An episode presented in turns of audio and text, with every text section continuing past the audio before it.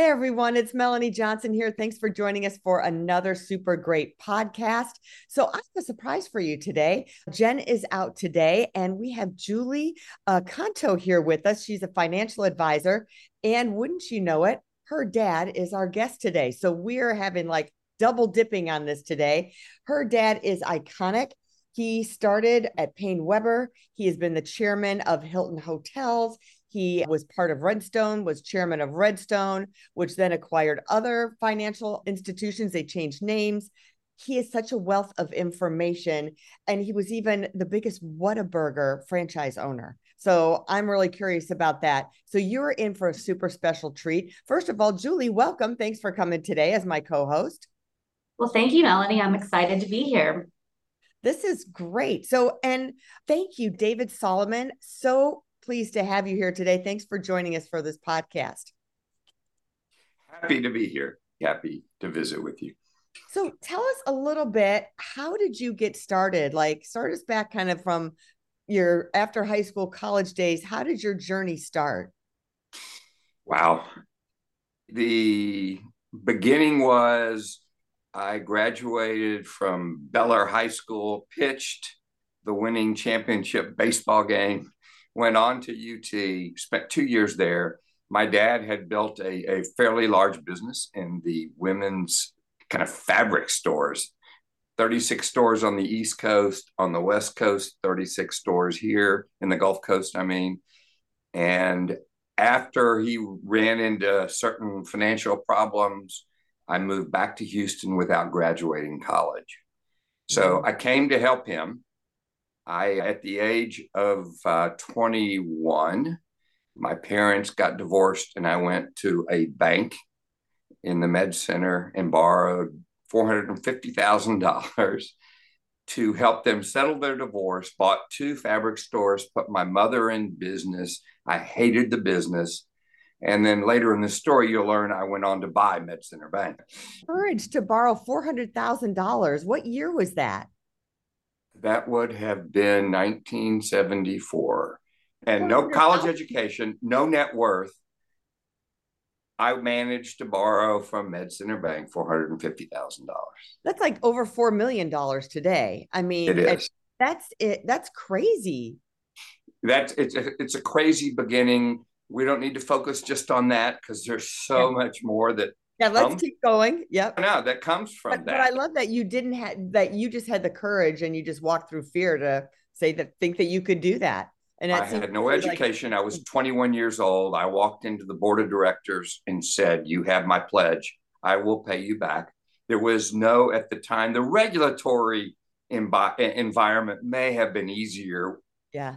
Not may was easier, but somehow they had the faith in me and yeah. so I put my mom in business. I was stuck in the business. I owned two fabric stores in Houston, Texas. I hated it. All my friends were becoming accountants and lawyers, and I was putting boxes in the trash behind a fabric store and dealing with women. Not that I don't mind dealing with women, but so, so my point is, I went and got a real estate license. And with that, I ended up in Fort Worth, Texas, a very large family, probably one of the first billionaires in in the United States. Uh-huh. And I ran into the guy that was running their family office named Richard Rainwater. Richard Rainwater saw me, What are you doing here? I'm going to see your real estate department. He said, Well, come on in my office. I have to take this call. I did. He had to be in Las Vegas the next day to buy a hotel from Del Webb, who was in trouble because they couldn't get their gaming license in New Jersey. So I flew up there as a 22 year old, n- no suit. I had a sport coat. And long story short, wow, the, the sides were both, these were heated discussions. And uh, he left when the CEO and chairman came over to me. He left me. And the CEO chairman said, What are you doing here? And who are you? Because I was young. and I said, Well, look, I'm thinking about doing something with the Bass family which is the family that I'm speaking of. And I'm, I'm convinced today that Richard used me to keep them off balance. It was quite an education just there. On the airplane home, he started to ask me questions about who I am, what I was, what I wanted to do. I said, I want to go in the real estate business. 1981, he said, I think things may get difficult in the real estate business in Texas over the next few years, especially Houston.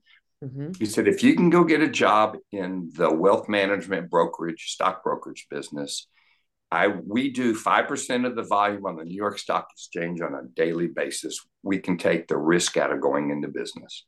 I got a job. Um, and he lived up to his thing. He says, I'm not going to make you rich. I'm going to take the risk out. And thus my career began. I'd like you to, can you stop, step back for one second and let's, I think it's fair we bring mom into this equation and maybe because of, of me too, but at this age, you were, tell, explain to us how I, you're. I, it, it, I know where Julie's going. I came back and said, I think I'm going to go in the brokerage business and Marcia, my wife of 48 years, was pregnant with Julie. And she kept saying, No, you came up here to go in the real estate business. I don't think that's right. I made the change. And honestly, I sold my stores. And honestly, they turned our electricity off because I couldn't pay my power bills while she was rocking Julie as an infant. So I can go forward. I I got in the business, and uh, once again, no college education, no knowledge of the business, but I ended up meeting somebody. I got a, a strange phone call, and it was, "Can you come have lunch with my client?" It was a CPA, and I did, and turned out to be one of the heirs to the Koch brothers in Wichita, Kansas. I didn't know she wouldn't tell me, she didn't say a word at the lunch. I called Richard Rainwater, who's very well connected, and said, What do you know going on? He says, I don't know anything. Turns out the two Koch brothers, Charles and David, bought out their brothers and they bought out Gay Roan, who I met. And I ended up with her account they asked me, she asked me in a meeting subsequent to that, put together, because she was interviewing everybody in town. Goldman. Sachs did the LBO. She came back and said, put together what you suggest I do with my money. And everybody else had these formal plans.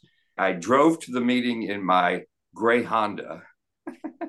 and long story short, said, I'm going to spend a year with you interest rates were at 15%. We'll park the money in treasury bills, take no risk, and for a year, I will teach you what you can do. I ended up with the account. It, it infuriated everybody in Houston because I then went on to build a family office for her and her three kids. And then that be- became Redstone. Do you think it was that um, different that you were going to teach her versus doing it for her? You were in bringing her in? Like you really had the client in mind more than just yourself and making money? What do you think was the there is no question that i was young there's no question she didn't have the knowledge there is no question that i have seen so many fortunes lost mm-hmm. because they entrusted mm-hmm those people with no knowledge. And yeah. I felt more comfortable for me if I could get to know her, I could spend time with her, if I could teach her, and that the dollars for me would come in time. Mm-hmm. And I would tell you in spades that um, if, we're talking about people that's in that business, um, it's not selling the product, or the next investment. It's selling yourself. Mm. And once they get that trust, you no longer need to sell. And so I, I could go on and on about she and I built a, a huge relationship. She was like my sister. She had three kids that uh, weren't uh, productive citizens. I helped nurture them. I ended up managing all three of their trusts and had to answer to her cousin Bill Koch, who's a tough, tough guy, and remind you that I was 23, 24, no college education. So that was the very beginning of, and I can keep talking unless you have questions. well, take us, Julie. Do you have anything you want to add? No, I think that's that that hits the big part of his beginning career at Red So here's what goes on. We were successful when I was at PaineWebber. We were successful. I answered to a guy named Bill Koch, one of the biggest guys in this country. Mm-hmm. And for five years, as things deteriorated in Texas, if you remember the bust in the late 80s, she was, because she had liquidity, the whole world was coming her way, wanting her to do deals. For five years, I said no to every single thing. And then one day I went to her in 1988 and said, Hey, will you back me? There's all of these distressed assets that we can buy.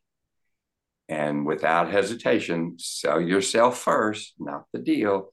She never even asked about the deals. My first purchase was a 300 room Hilton hotel on the West Chase Hilton that was built by George Ballas, the creator of the Weed Eater, took his wealth after he sold his business and built for $28 million the West Chase Hilton.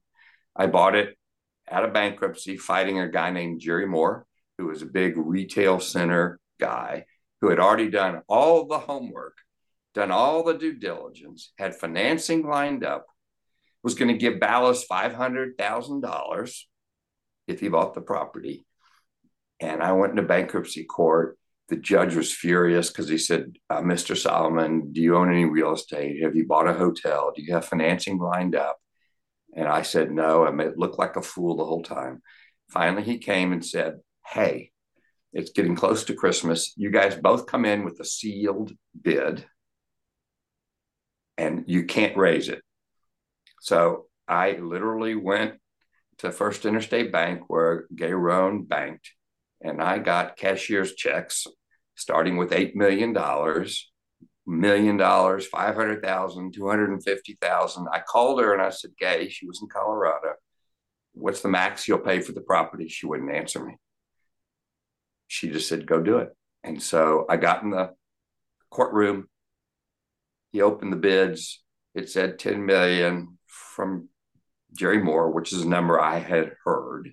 Mm-hmm. And 500,000 was going to go to uh, George Ballas, the owner of the hotel. So the creditors were going to get 950,000. I bid 10 million. And so the judge ruled Jerry Moore because he had done the due diligence, he had done the homework, and I had a clause that said 60 days due diligence. And he said, So for that reason, I'm going to award the hotel to Jerry Moore. I stood up immediately uh, and said, I'll close under the same conditions, thinking that if Jerry Moore is buying this, he's very established. He knows what he's doing. He'd done the homework.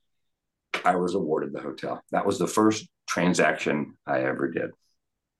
And wow. so we, we can go on and on. That's how we entered. I entered the hotel business. That's how Gay Rohn did. Then we went on and I can tell detailed stories of the Houstonian out of bankruptcy, fighting.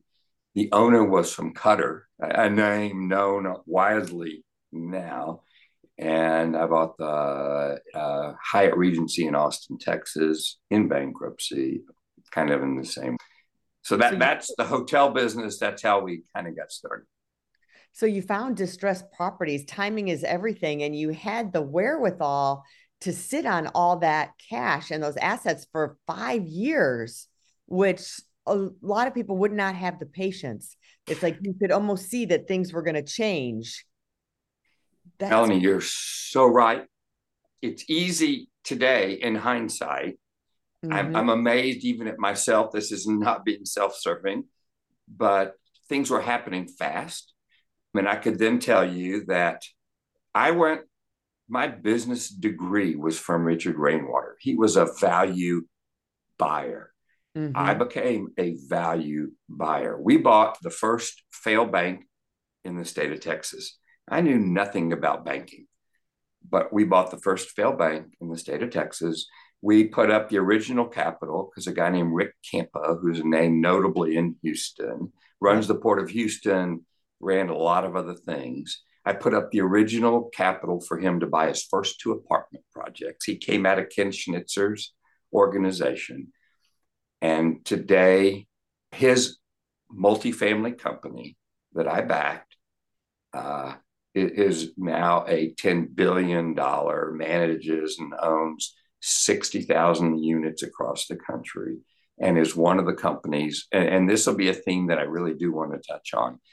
Company that that has been awarded by Forbes, Fortune, Houston Chronicle, Houston Business Journal as the best companies to work for. And, and so that will permeate all of my conversations as it relates to quality. Gay Roan uh, had a lot of money. Didn't matter how much money I made her. If I hurt her reputation, that would hurt her. So I lived by that credo. Not just because of that, I hope, but being young, and I knew that, I hope I would have gone and done the same thing. And I love that because it's like you had her reputation in mind. So even though you were looking for distressed properties, you wanted quality properties. What would you tell someone in today's market what they should be doing? What kind of advice for like an investor or someone getting started today? As an investor, my strategy, there is a strategy, but we never went that direction to buy, mm-hmm. Uh, not distressed, but lower end. I hmm. always found higher end, great locations will, will hold their value. And, and for me, investing somebody that already has a lot of money, store of value, but even if you don't have a lot of money, store of value is great in certain properties. I would tell you, hotels that are greatly located are a great store of value. The very wealthy go that direction. And so anybody starting out finding something that has longevity, sustainability is is my advice there. I still look for um, some form of value. You're not going to find the distressed level that I found, mm-hmm. but buying a little bit better than the guy on the street is a huge advantage. Think through this. The West Chase Hilton I bought for 10 million. Every hotel built around me that hadn't gone through bankruptcy, like I was fortunate enough. And this mm-hmm. applies to any asset. But if I have a hotel I paid 10 million for, I can charge 30% of your rates and still make money. And so as you think through this on any asset purchase, any bank business, you have to have some form of an advantage. So, and you know, the other thing that gets me is that several times you said, I bought a hotel, knew nothing about running a hotel. I bought a bank, knew nothing about mm-hmm. running a bank. I mean, that scares me to death. It's like, oh, you're going to buy this business and you know nothing about it. You might know how to run a business. So, how did you go about figuring out how to run a bank, how to run a hotel, to get the right people in? Because obviously, you weren't stepping in and being the general manager of the hotel or the of the bank necessarily. A great story. The first hotel, the West Chase Hilton. I went to board meetings and they were talking about their swimming pool needed help. Well, how do I know anything about a swimming pool? So, this is another major tenet throughout my career. I am not the smartest guy in the room. I am not the guy that knows how to slice and dice. I am not the guy that can build that spreadsheet. Mm-hmm. I talked about relationships. I know how to read people. I would go find and structure a deal to find the best people to help me, whether it be the hotel, whether it be to run the bank, whether it be to run the apartments, whether it be run Whataburger. I never was on the firing line. I pick people, I think I pick people well. I don't mean to be self serving, but for yeah. me, I could do so much more because I'm not the operator that I know I recognize my talents, mm-hmm. but I can smell. I love the art of the deal. Mm-hmm. I love that piece of it with very smart people. So when I bought the West Chase Hilton, I hired a guy that knew a lot about the hotel business. And then he knew somebody in Dallas, knew a lot about the hotel business. So they helped me. And, and they were in the lane of where you could find the Houstonian, although I found the Houstonian. But my point being, it was more about identifying the right operators than it was me being smart enough to run a single business. If I ran one single business, I couldn't have done anything more you know, and, and I, Dad, you found the right people. And I would say that it was probably somewhat easier for you because you were somebody that they wanted to work for. And I think that carries through with just everyone wanting to always be around you, whether it be the waiters, whether it be your employees, whether it be businessmen, whether it be friends. So I think if you can touch on that a little bit, and you know, Houstonian employees, when I would go visit, all they would do is rave about, oh, he's so nice, and you're just a people person. So explain your thoughts on that and how that came about. So I, I can say this: I I, I ran. Uh, there's a group called YPO, Young Presidents Organization, and YPO was 50 years ago a 30 year old whose dad died, and he inherited a large business. He had no peers to talk to, and he built what is today YPO. It's in countries all over the world, and he used it for not just the business side. It was self growth how, how do you raise a uh, wealthy family and make your kids responsible? How do you? So it's all self growth, included spouses, included children. Julie is even a part of YPO today. And, and so my point being, in YPO, they separate, not separate you, you join what they call a forum, and it's probably eight people, women and men who have obviously to join YPO, you had to run a business of certain caliber, $50 million in revenue, X amount of employees before the age of 40. I qualified. I got in. I became chairman. I ran the education department. The point I'm making is within the forum, at age 50, you leave YPO. At age 52, I had already left YPO, but I got a brain tumor and I had cancer in my brain.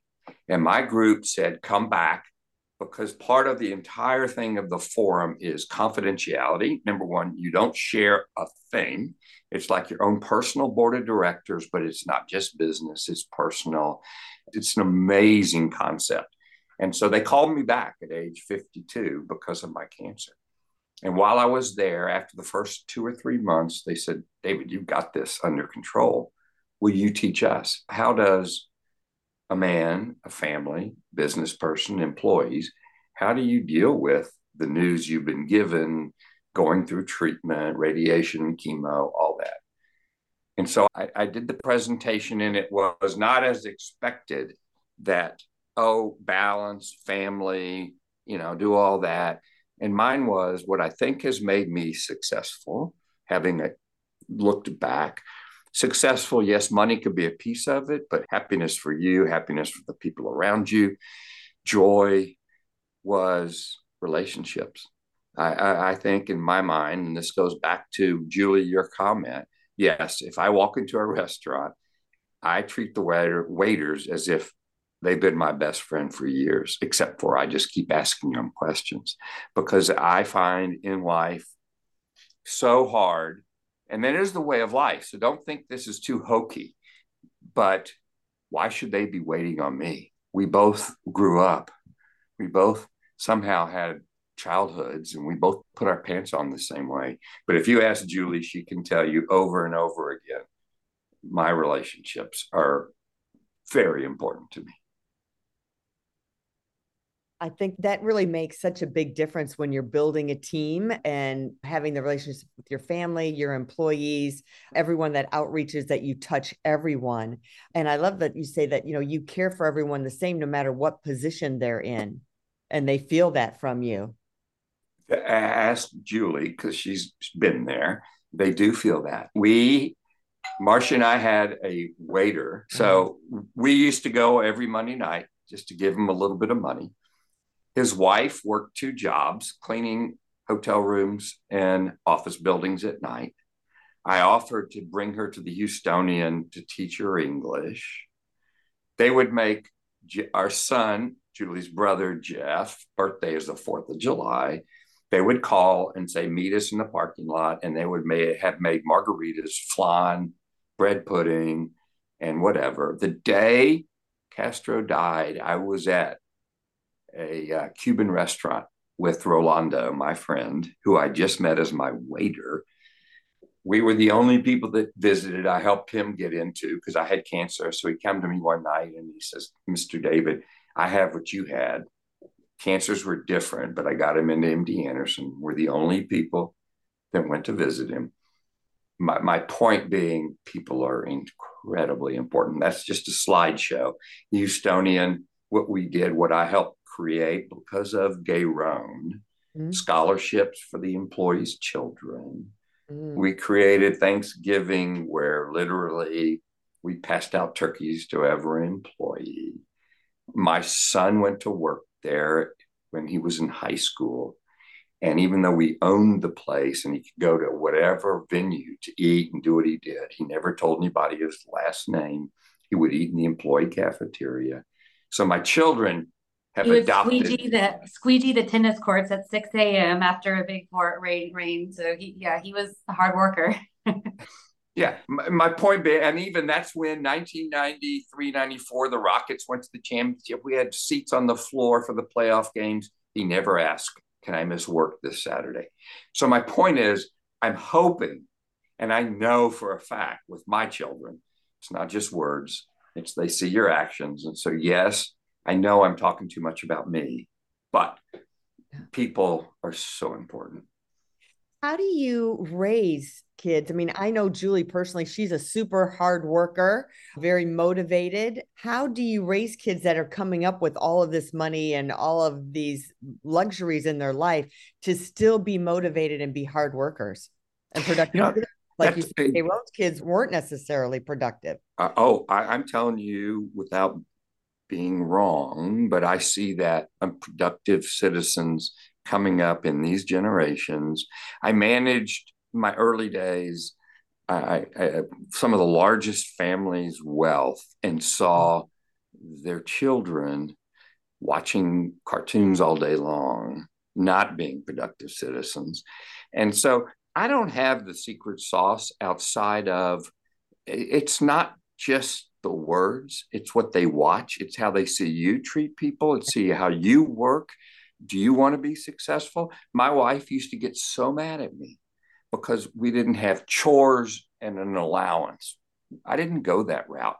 But what I did see was them adhering, them treating people right, another common theme, but treating people right, them, them doing well in school, them being appreciative for their things. And yeah, we probably, I, I have laid awake at nights thinking I made it too easy on my son. Yeah, he went to UT. He was a frat rat.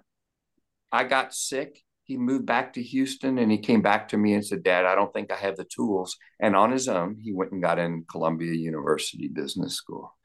So, my point is, it's all in your actions. And when I mm-hmm. saw what Julie just raised, that he did what he did at the Houstonian, that he did interview. Obviously, he was going to get the job, but he mm-hmm. did squeegee tennis courts. He, he did not go to the fancy parts of the Houstonian, didn't tell him his name. I said, you know, that's how I'm going to measure him, not through an allowance in his chores at home.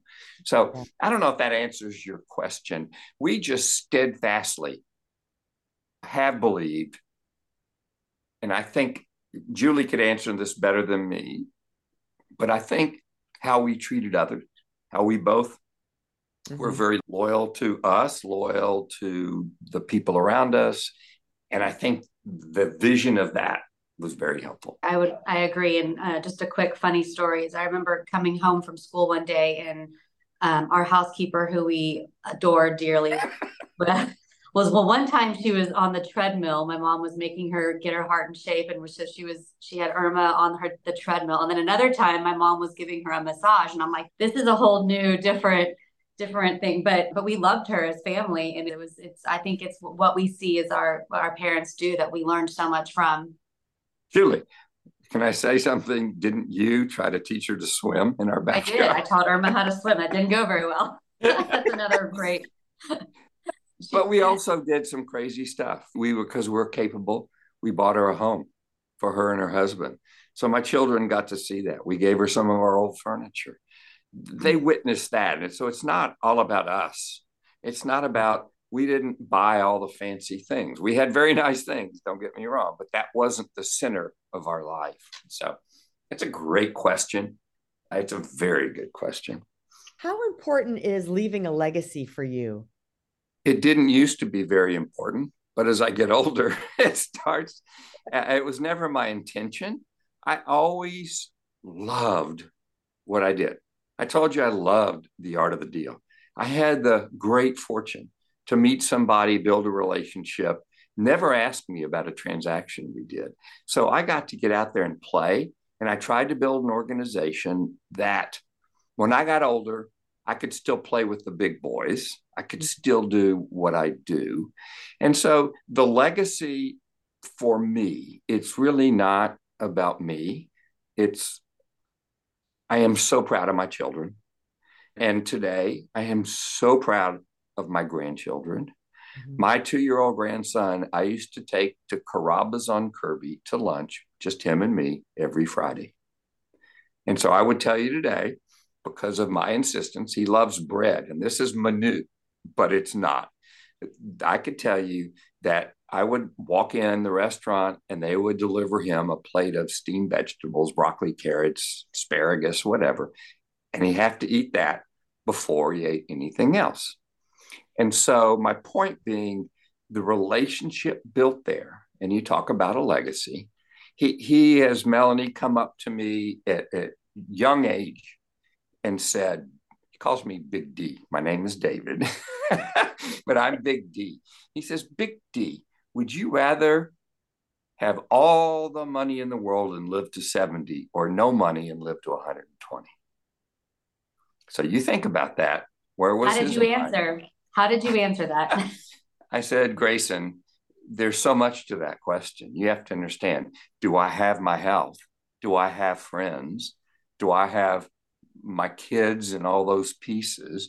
And if you tell me yes to all those things, that's easier for me to answer than just in black and white.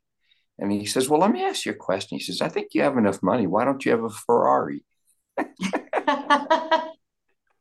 and I said, Grayson, that's just not me. You have to understand. And that all goes back to how do you raise affluent children? That all goes back to how do you teach them to be responsible citizens? You can tell from me the legacy question that you ask. My legacy is much more about my family.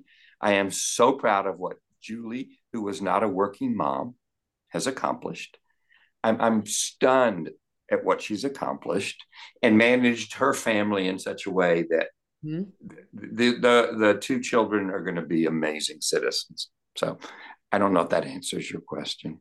Well, and even doing this podcast with us today, we're so grateful that part of your knowledge and your wisdom is now being shared with our audience, that they'll have nuggets that they can take and put in with use with their family, their business, and and inspire them of things that you've done and walk through and had the courage to do without thinking twice about doing it. It's just so impressive that I think a lot of people will be touched by it.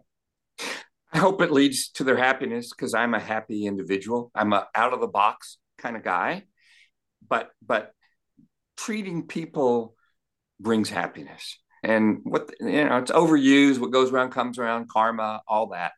I just know it works. And so I, I have to share one last story if we have time. Sure. Uh, because of the Houstonian, I got to know George and Barbara Bush, President 41. He lived at the hotel. The night he gave his concession speech in 1992, he had lost to Bill Clinton. He was in Houston and he's coming back from his announcement at NRG Stadium and he calls the Houstonian 1992. I had just bought the hotel, and they call me and they said the president is coming back to the hotel. He wants any employee that wants to come visit with him and Barbara. Wow. He wants to spend some time with them to say goodbye. And, and there is an example of one of the, the most important men in the world and his spouse, after huge defeat, had the willingness, the time, the desire and he sat for 45 sat, stood at 45 minutes in the lobby kissing all the housemaids goodbye and mm-hmm. so if he can do that why can't i do something special mm-hmm. so it's an incredible story so i'll leave you with this we got to know him. we sponsored a golf tournament for jim nantz freddie couples and blaine mccallister at my golf club and it was a charity that raised a lot of money and it was two days And the president would come out every time, spend the day with us on the golf course, and then on a Saturday night have a banquet. Well, at the banquet, he would sit at a table to share the wealth, and Barbara would sit at the table. And so when you talk about my um, willingness to step out, I, I, can't say they're like my best friends. I can't say I hum, I've hung around presidents, but I can't say I sat next to Barbara Bush with Marcia on my side. And it was back when their grandchildren, the girls, were drinking in Austin, Texas at Chuy's, and they got in trouble. So I asked, and, and Miss Bush, she made me call her Bar. So accept that. She insisted I call her Bar. So I said, Bar, tell me about the girls. What were they doing? And Marcia's kicking me under the table because what I'm saying is I would ask the hard questions. I don't get a chance to hang with presidents like that. Right. So I don't want to be just a, a cowering, you know, sissy. So I said, Tell me about the girls. And she goes, David, George and I just had this conversation. She made me call him George. George and I had this conversation, and it was girls. I wrote him a letter and said, You have the privilege of flying on Air Force One, taking your friends to Camp David in the White House. You have to respect your father and not do that. And she said, George won't let me send the letter because he's afraid they won't talk to us again. so here, here we go, real fast. We, because of my involvement at MD Anderson, because he was chairman of MD Anderson, they give a massive fundraising on Kennebunkport every year. We got invited, part of eight couples. I wouldn't be invited if it was just personally going to their house, but we're on the bus, we're going for dinner, and we walk in the house, and I see Jim Nantz, who I know very well. So mm-hmm. I try to go up. Secret Service says, no, you can't go over there. You have to go get in line, take the traditional picture with the bushes in front of the fireplace. We stood in line. We got there. The president kissed Marcia, and I looked at Bar, and I said, Bar, what's Nantz doing here? And she grabbed me out of the line. She threw me with my lapels against the wall. The whole place is watching, waiting. And she says, If you tell anybody, I'll kick your butt. And I said, well, What is it? She goes, Well, Bill Clinton is due here tomorrow. And President George is not allowed to be alone with Bill Clinton. so, my point is, I've got to experience some amazing things because of the businesses that I ran. and the successes. Well, David Solomon, it has been just a pleasure and an honor to have you on our podcast today. And thank you for sharing so much and giving us the colorful, beautiful stories, not just about business, but also about your family. And Julie, thanks for coming as well and being a part of this whole process. It worked out great. We're so happy that you were here. Great. Thank you so much. It was so much fun. All right. Well, check us out next time. We're always here for another great podcast. And if you're looking to write a book, remember we work with our authors to make them number one bestsellers at Elite Online Publishing. Go to our website and hit that author submission button. We'll see you next time. Have a fantastic week, everybody. Happy holidays. Hey, are you looking to increase your revenue, build credibility, and elevate your brand? This podcast is brought to you by Elite Online Publishing an innovative publishing and full spectrum marketing company. They will publish and market your book to make it a number one bestseller. Becoming an author is the best way to market your business. So contact them at eliteonlinepublishing.com today. All of their authors become number one bestsellers.